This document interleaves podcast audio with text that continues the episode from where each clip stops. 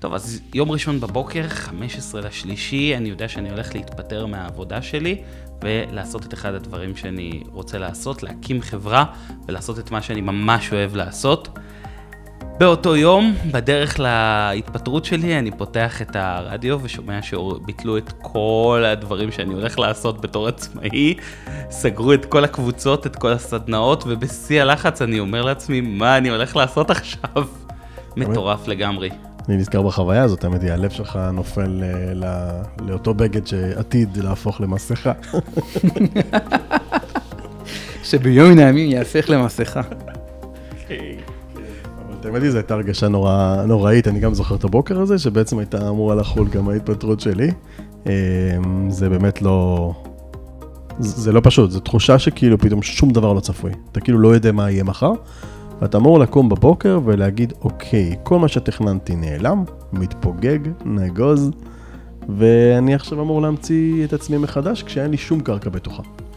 מה שנקרא לחץ, פשוט מלחיץ מאוד. זה לחץ, אבל זה כאילו אתה הולך בתוך ערפל. אתה הולך בתוך חושך. אין לך מושג מה יהיה במטר הקרוב. גם דקה אחרי שאתה חוזר לעבודה, אתה שואל את עצמך, מה הולכת להיות העבודה עכשיו?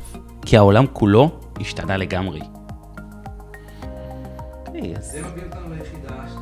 רגע, יצחק, מצבך טוב, אתה שכיר וטוב לו, מה אתה? במקומות עבודה נוספים שלי אין עכשיו פעילות, זאת אומרת, גם ההכנסה שלי ירדה דרסטית, ואני חייב להמציא את עצמי מחדש באופקים אחרים. נכון, למעשה הרבה מקומות שעסקו בכל מה שכרוך בפגישות עם אנשים, באבחונים שאמורים לפגוש אנשים, בסדנאות. בהרצאות. הרצאות, סדנאות, כל הדברים האלה. נעלם, אין, חוקית, טכנית, אין דרך לעשות את זה, ואז נשאלת השאלה, אם זה אה, החלק העיקרי של העבודה שלי, מה תהיה העבודה שלי מעכשיו? אז איזה כיף להיות פה איתכם היום בעוד, בפגישה שלנו שתעסוק בהתמודדות עם אי ודאות, שינוי ומצבי אתגר, בעוד פרק של הפודקאסט שלנו. פתיח ונתחיל. פתיח ונתחיל.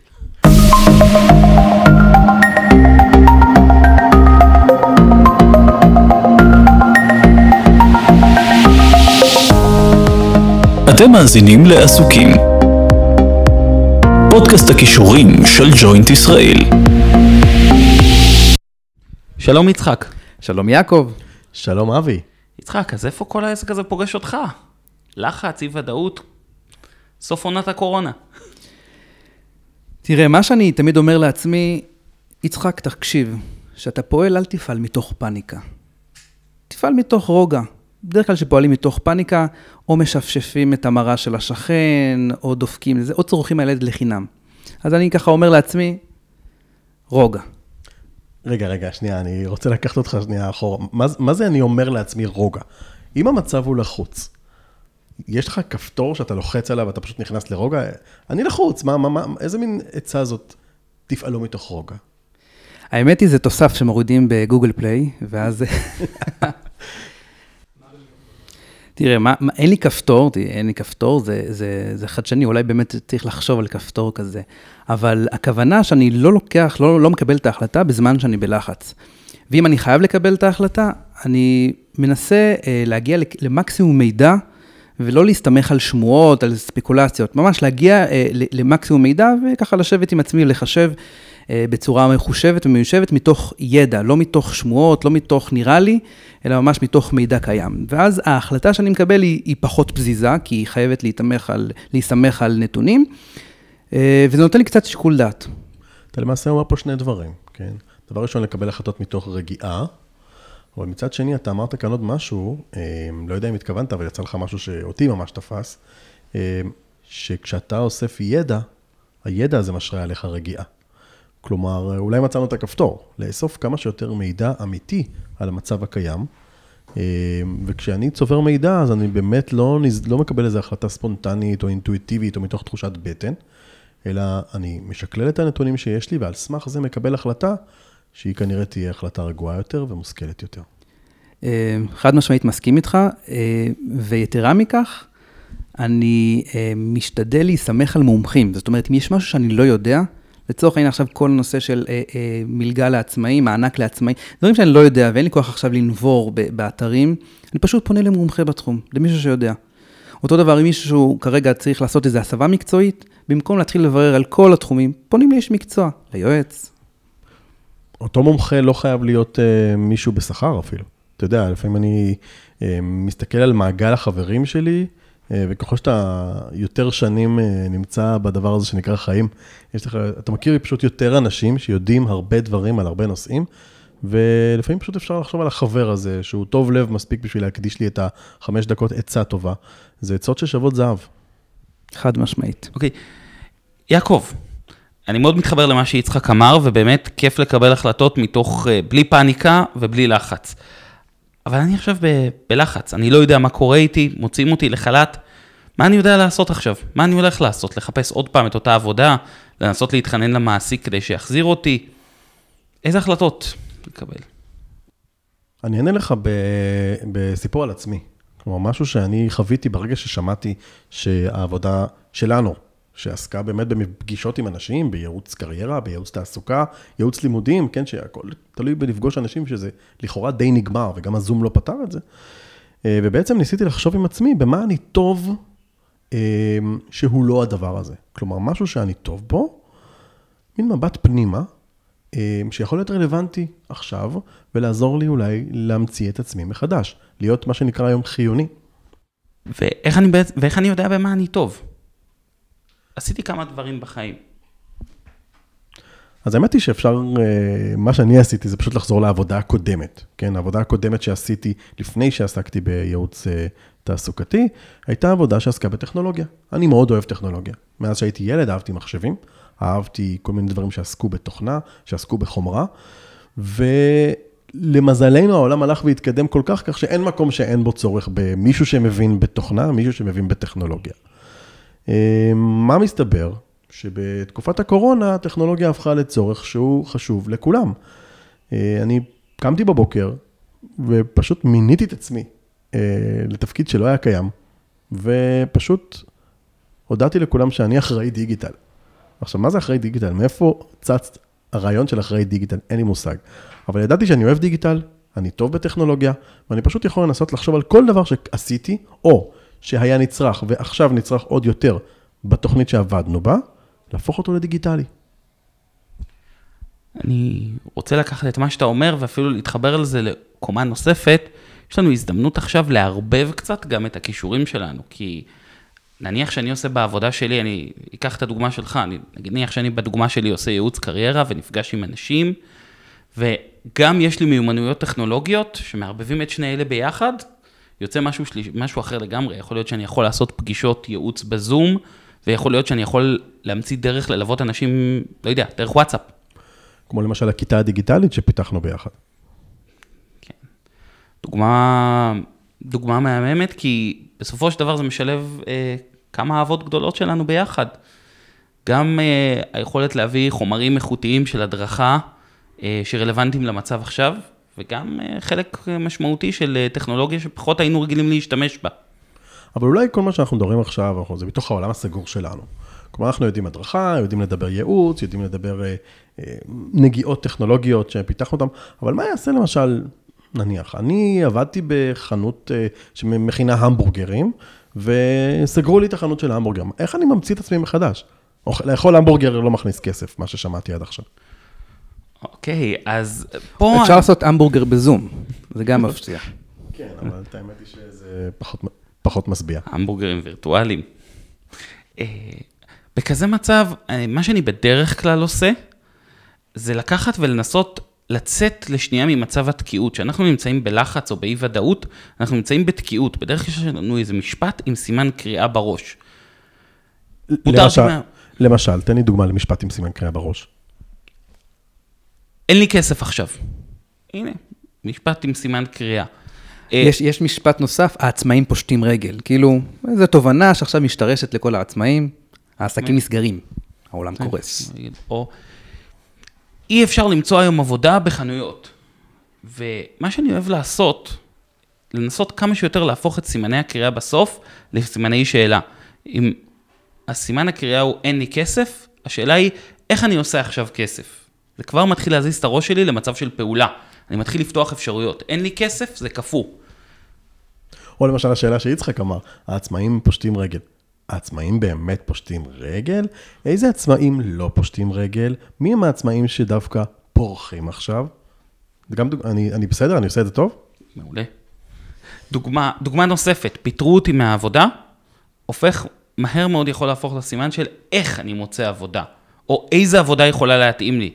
זה לא אומר שיש לי תשובה ישר, אבל ברגע שאני מתחיל לחשוב על שאלות, מתחילות לצוץ תשובות, ואולי אחת מהתשובות האלה תפגע. זה ממש מעניין, כשאני חושב על זה, בעצם השאלות הן לא, אה, קודם כל זה שאלות, בסדר? זה לא החלטות ודברים שמכבים, ושאלה תמיד יש בה איזה ממד של אתגר, ואתגר תמיד מצית אה, מוטיבציה. ואני מרגיש, לא יודע, אולי אני חורג פה מהנושא של הפרק בכלל, אבל זה משהו שככה מעסיק אותי מהבוקר. מה, מה הם הדברים שיכולים להצית מוטיבציה אצל בן אדם? כי אני כל הזמן קורא, אני גם קורא ברשתות חברתיות, ועל הקטע הזה שבעצם אין מוטיבציה.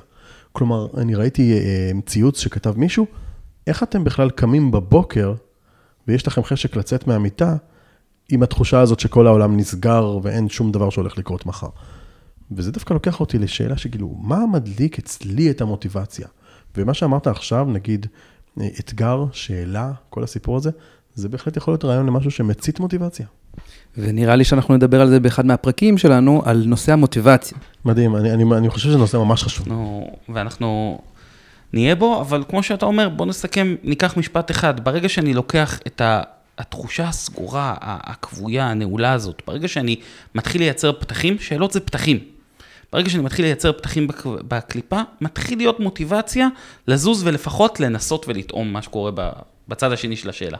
להפוך את הסימן קריאה לסימן שאלה. יפה, אז אבי, דיבר, דיברנו פה על כמה טיפים שנאסף, אבל יש לך עוד דברים שאנחנו נוכל ככה להשתמש בזה? אז אחד הדברים שאני מציע אה, לעשות, ונעשה את זה בזריזות, זה לפרק את תכולות העבודה שלי. מילה קצת אה, מפחידה, אבל בואו ננסה לחשוב, שאתם עובדים באיזשהו מקצוע, ולא משנה, כמו שאמרת, יעקב, אדם שמוכר המבורגרים בחנות של מזון מהיר, הוא בעצם עושה המון המון עבודות. יכול להיות שהוא גם עובד במטבח, הוא גם יודע לקבל הזמנות, הוא גם יודע למכור ללקוחות ולדחוף להם להגדיל בשקל 90, הוא גם אה, צריך אה, הרבה פעמים לתקן אולי את המכשור, והוא צריך לנסות להבין מה רלוונטי, הוא מתעסק עם המשלוחים. גם מנקה את ה... ושומר על סדר וניקיון. כן.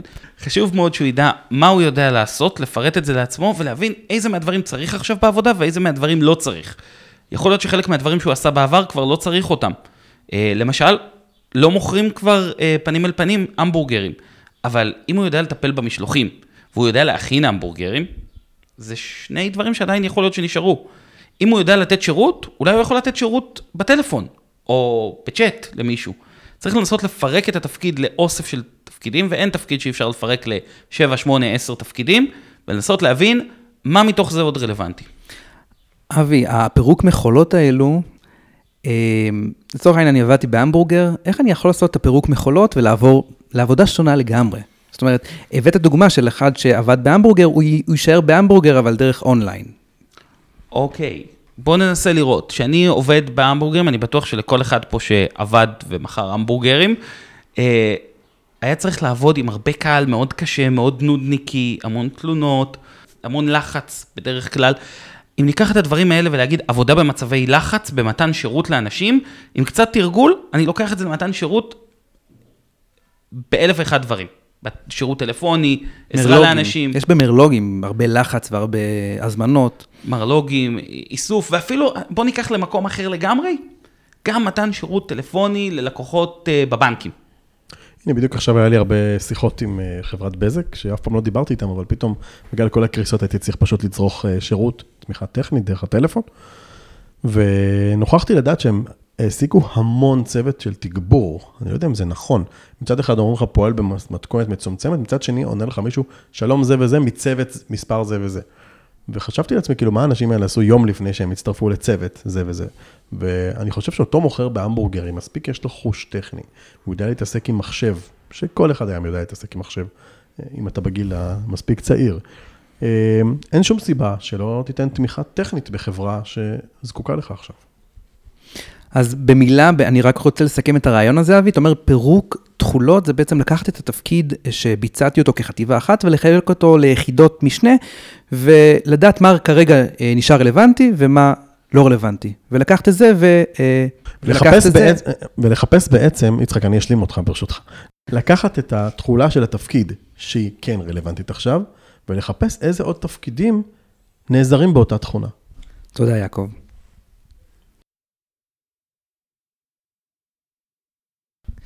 אז בואו uh, נאסוף את מה שהיה פה, אם שמנו לעצמנו כותרת בתחילת הפרק, uh, uh, שהנושא הוא התמודדות עם אי-ודאות, נכון? אז בואו נאסוף מה היה פה. אז דיברנו בהתחלה על הטיפ שלפעול ממצ... מתוך רוגע, לא מתוך לחץ, להתבסס על נתונים, לדבר עם מומחים, ודיברנו על הרעיון של לנסות להבין מה החוזקות שלי, לעשות איזו אינטרוספקציה, מבט פנימה.